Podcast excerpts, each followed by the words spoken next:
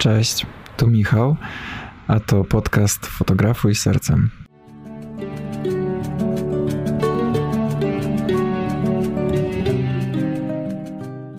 Cześć, tu Michał, a to podcast Fotografuj Sercem.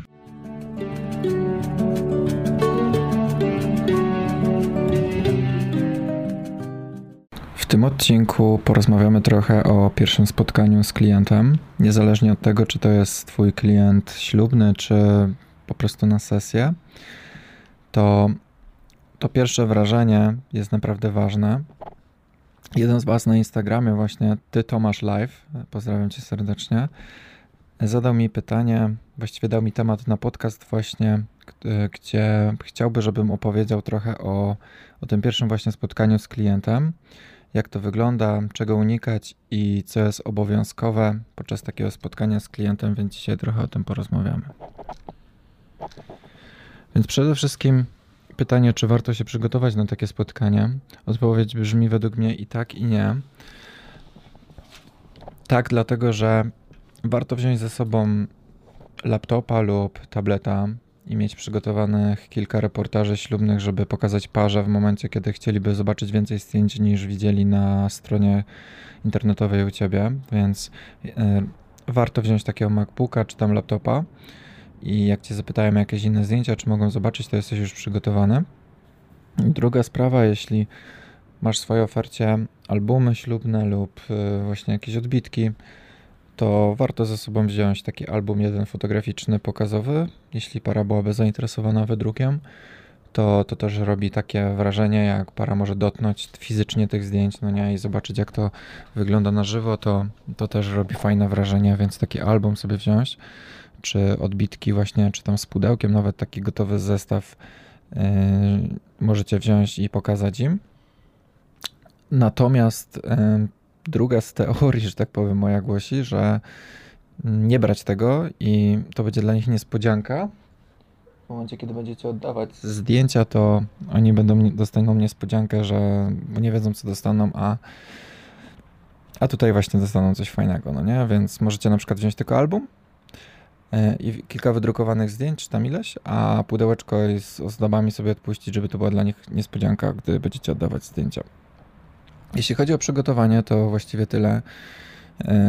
Nie ubieram się w żaden sposób elegancko czy, czy coś w tym stylu. Bardzo się na luzie ubieram normalnie, tak jak na co dzień chodzę. Oczywiście schludnie, nie żadna e, piżama czy wczorajsze dresy, ale nie przesadzam z elegancją. Na, na luzie zawsze traktuję takie spotkanie. I słuchajcie, druga rzecz to miejsce. Nie? Jeśli to jest spotkanie fizyczne, czyli face to face, a nie na Skype'ie, to, to zabieram moją parę czy tam mojego klienta w miejsce przede wszystkim, gdzie możemy spokojnie porozmawiać, żeby to nie była głośna jakaś klub czy pub, raczej spokojna restauracja, bardziej klimatyczna. U mnie w Krakowie jest dużo takich klimatycznych restauracji, gdzie można sobie usiąść spokojnie, jest przyjemnie, od razu atmosfera jest fajniejsza, dużo, nie wiem, tam takich klimatów rustykalnych, jakie lubię, dużo kwiatów i, i tak fajnie, klimatycznie, przyjemnie. Nawet mamy takie miejsca w Krakowie, gdzie można na ziemi usiąść i sobie sziszę zapalić, więc to też jest super. I gdy już sobie wybierzesz takie miejsce, to zapraszasz parę, czy klienta właśnie do takiego miejsca, umawiacie się na konkretną godzinę. Oczywiście się nie, spóźni nie spóźniacie, to jest oczywiste. I Słuchajcie, ja od początku do końca takie spotkanie z klientem traktuję jak spotkanie z dobrymi znajomymi. Bardzo ważne na takim spotkaniu jest odpowiedni mindset, jak ja to mówię.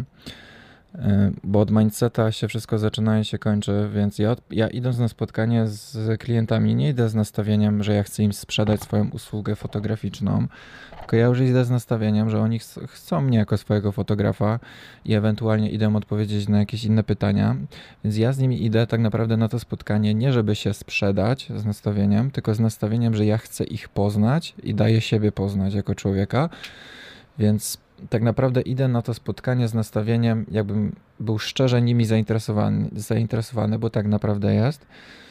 I, I chcemy się nawzajem poznać, żeby nam się po prostu lepiej pracowało w dniu ślubu czy podczas sesji. I na takim spotkaniu, spotkanie takie w moim wykonaniu przebiega jak najbardziej naturalnie się da, po prostu jakbym był, słuchajcie, na domówce czy na Sylwestrze i poznawał nowych ludzi, których nie znam. I po prostu prowadzę w ten sam sposób rozmowę, gdzie po prostu zadaję pytania, jakbym chciał po prostu kogoś poznać. Czym się interesuje, skąd jest, jak się poznali. I, i to jest taka najnormalniejsza rozmowa w życiu. I nie mam czegoś takiego, że mam spisane pytania, które chcę zadać swojej parze. Oczywiście są pewne pytania, które chcę zadać mojej parze, typu yy, na ile osób będzie ślub, w jakim stylu będzie ślub, gdzie, kiedy i, takich najwięcej szczegółów związanych ze ślubem, jakie dekoracje, jaka suknia ślubna i tak dalej ale to jest tylko 10 czy tam może nawet 5% mojej rozmowy, bo tak naprawdę reszta skupia się wokół nich.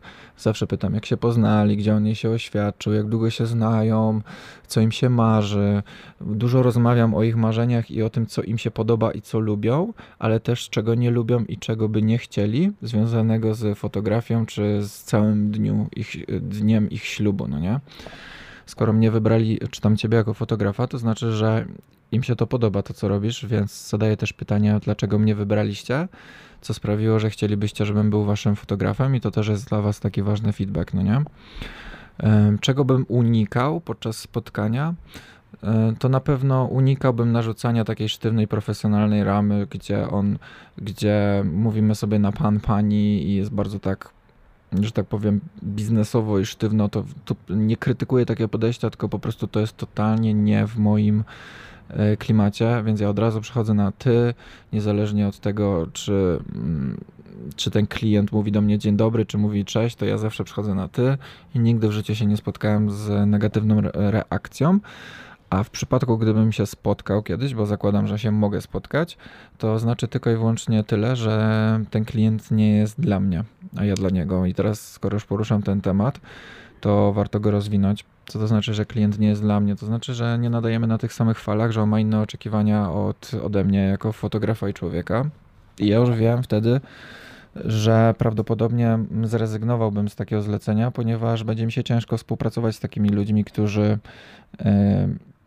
z którymi od początku na pierwszym spotkaniu jest sztywno, nie, czuję, że coś jest nie tak, że coś wisi w powietrzu, że przypuśćmy mają bardzo duże oczekiwania, czy takie roszczeniowe wręcz, gdzie e, nie mam takich sytuacji, ale wam mówię, jeśli wy byście kiedy, kiedyście mieli, naprawdę uważam, że warto wtedy jest e, e, powiedzieć szczerze prosto z mostu, że uważam, że nie jestem odpowiednią osobą dla nich, nie, nie zrzucać winy na nich, że słuchajcie, jesteście burakami, więc wam nie zrobię tego ślubu, tylko powiedzieć, że słuchajcie, uważam, że ja nie jestem odpowiednią osobą dla was, żeby ich nie zranić, czy w jakiś sposób nie wkurzyć, ale uważam, że jest wielu innych fotografów, którzy być może, którzy jestem pewien, że spełnią wasze oczekiwania, tylko po prostu nie, uważam, że nie jestem ja tą osobą, no nie?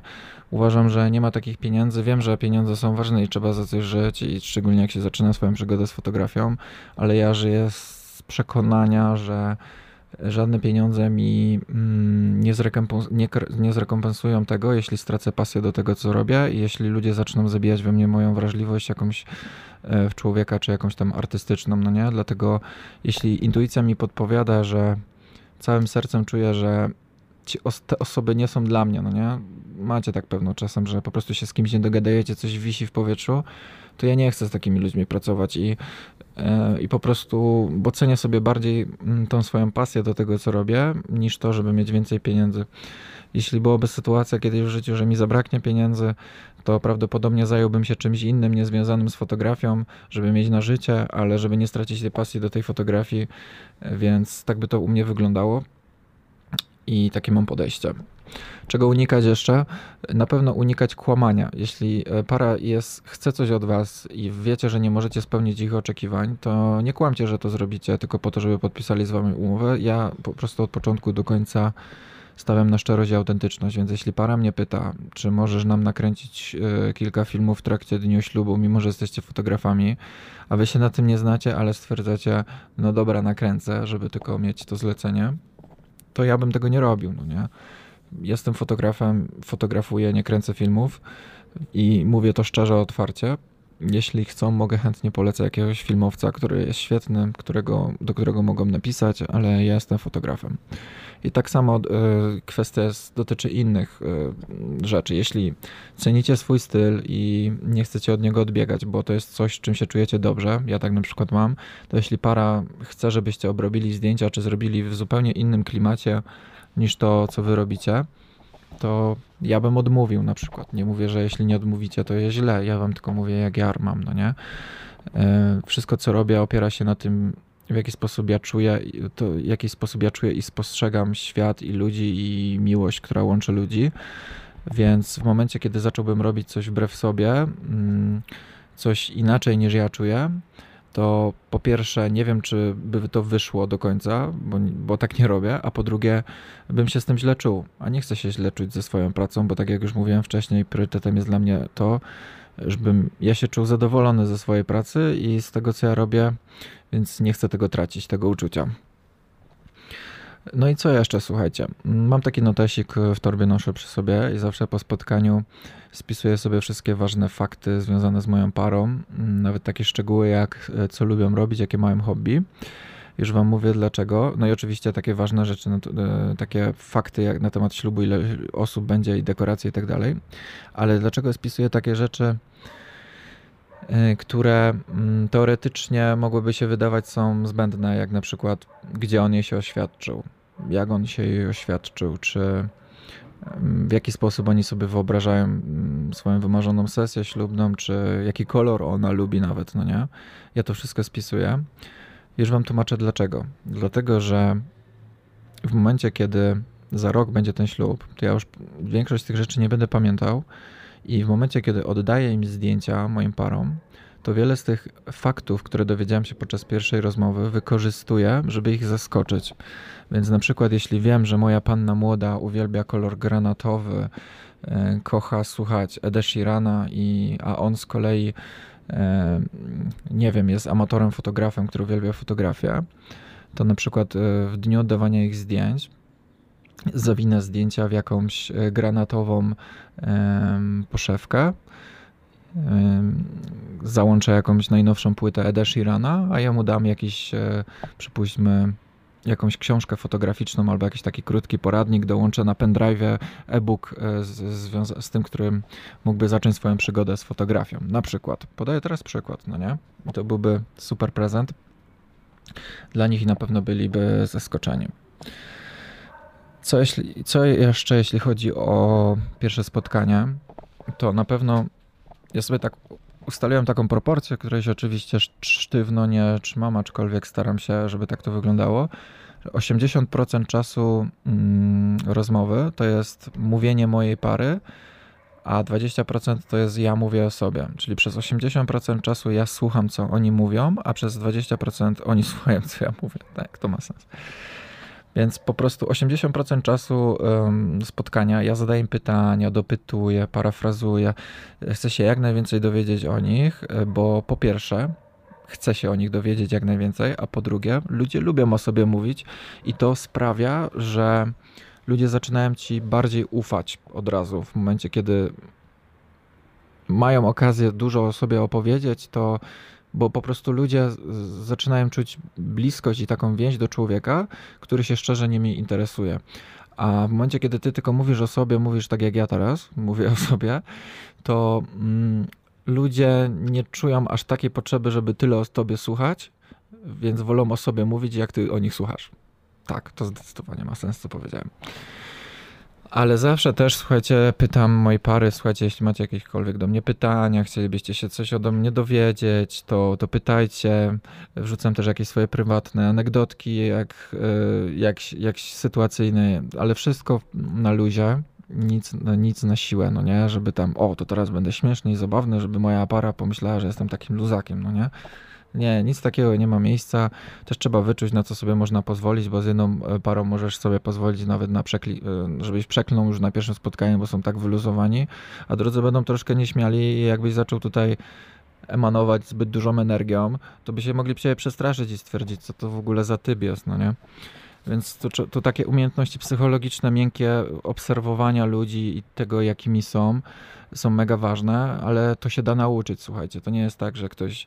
Oczywiście kobiety mają łatwiej, bo kobiety mają wrodzoną umiejętność e, rozmawiania z ludźmi i słuchania z ludźmi, mają wrodzoną większą empatię niż mężczyźni, uważam, aczkolwiek nie jest to reguła, bo jest wielu mężczyzn, który ma, którzy mają też ogromną empatię, ale tak mi się wydaje, że kobiety z natury są bardziej empatyczne i umieją słuchać ludzi, dlatego że jak były małymi dziewczynkami, to wolały siedzieć w piaskownicy i rozmawiać z dziewczynkami, a chłopak wolał latać, chłopaki woleli latać i skakać po drzewach, a dziewczyny wolały sobie gadać o pierdołach w piaskownicy tak, tak mi się wydaje, taką genezę zrobiłem. Wszystkie dziewczyny i chłopaków wrzuciłem do jednego wora, ale tak jak mówię, nie ma reguły. Co ja jeszcze wam chciałem powiedzieć? No i taki, słuchajcie, już kończący aspekt, że jak się kończy, skończy się spotkanie, no to miłym geście, ja tak zawsze robię, jest zapłacenie za swoją parę, niezależnie od tego, czy podpisaliście umowę, czy nie, czy oni się zdecydowali, czy się zastanawiają. No chyba, że byliby bardzo niemili, no to wtedy nie zapłacę za nich, ale nie zdarzyło mi się w miłym geście jest zapłacić za tą kawę mm, za siebie i za swoją parę. I druga rzecz, o której zapomniałem powiedzieć, e, zawsze na spotkanie z parą przynoście już gotową umowę. I zawsze pod koniec spotkania mm, powiedzcie, to jest taki, to jest dość ważne, no nie, e, że kuć żelazo póki gorące, jak ja to mówię, jeśli wszystko jest w porządku, czujecie, że nadajecie na tych samych falach, to powiedzcie, słuchajcie, mam przy sobie umowę. Jak myślicie, czy chcielibyście od razu, czy chcecie od razu ze mną podpisać umowę, to możemy to od razu załatwić, no nie? I jest duża szansa, że od razu e, podpiszecie umowę i macie zamknięty temat, że tak powiem. A jeśli nie, to para mówi, że się musi zastanowić na przykład to dobrze jest im dać taką ramę czasową, że nie na zasadzie, dobra, to się zastanówcie i dajcie mi znać, kiedy będziecie chcieli, bo to mogą wam dać znać za pół roku, za miesiąc, a wy nie możecie trzymać w nieskończoność terminu dla nich, więc warto poinformować o tym parę, że słuchajcie, ok, to dajcie mi proszę do tygodnia czasu znać, czy, czy jesteście zainteresowani, czy nie, i do tego czasu na przykład będę trzymał dla was termin, a, a potem już nie taki konkret, bo, bo ważne, żeby oni byli świadomi, że nie są jedyni, no nie? To nie chodzi o wzbudzanie presji, tylko chodzi po prostu o fakty takie, że wy naprawdę nie możecie trzymać terminu nieskończoność dla, dla jednej osoby, bo, bo na przykład ktoś inny mógłby się do was odezwać w tym czasie i wy już nie możecie mm, odbyć z nimi kolejnej rozmowy i zarezerwować dla nich ślubu. Więc takie, no, e, takie ramy czasowe, pokazanie, że do końca tygodnia i okej, okay, no nie? No i co? Chyba tyle, jeśli chodzi o pierwsze spotkanie. Podsumowując, od początku traktuję na luzie, przechodzę na ty od razu z moją parą. 80% czasu słucham, 20% czasu mówię o sobie. Dużo zadaję prywatnych, personalnych pytań na temat ich, jak się poznali, co robią, co lubią. Po spotkaniu zapisuję te ważne szczegóły wszystkie i w rok później przy oddawaniu zdjęć często wykorzystuję te fakty, żeby ich zaskoczyć jakimś miłym prezentem. Czego nie robię, przede wszystkim nie kłamię nie robię coś wbrew sobie, że na przykład jeśli para chce, oczekuje ode mnie coś, czego nie mogę im lub nie chcę y, spełnić, to tego nie robię. I płacę za swoją parę pod koniec spotkania za kawę. I jestem autentyczny i szczery po prostu. I na luzie wszystko naprawdę traktuję ich jak swoich przyjaciół. I jeśli czujesz naprawdę, że nie, nadajecie nie na tych samych falach, coś jest nie tak, coś wisi w powietrzu, to uwierz mi, że naprawdę warto zrezygnować. Bo nie ma nic gorszego niż, słuchajcie, stracić pasję przez jednych ludzi do tego, co robicie, bo znam wiele takich przypadków, ja sam przez to przechodziłem. Naprawdę bardzo łatwo jest przez y, jedną parę czy przez jednego klienta stracić całe serce do tego, co robicie, i to już może być nieodwracalne nawet, więc lepiej, jak czujecie już na początku, wam intuicja podpowiada, że coś jest nie tak, to naprawdę lepiej jest odpuścić, e, lepiej mieć mniej pieniędzy, lepiej jest zarobić w inny sposób niż stracić pasję do tego, co robicie, bo skoro to słuchacie, to zakładam, że fotografujecie z pasji, a nie tylko dla hajsu, nie? Przynajmniej mam taką nadzieję. No, no to chyba tyle. Dzięki za usłyszenie e, podcastu i widzimy się w następnym odcinku. Cześć.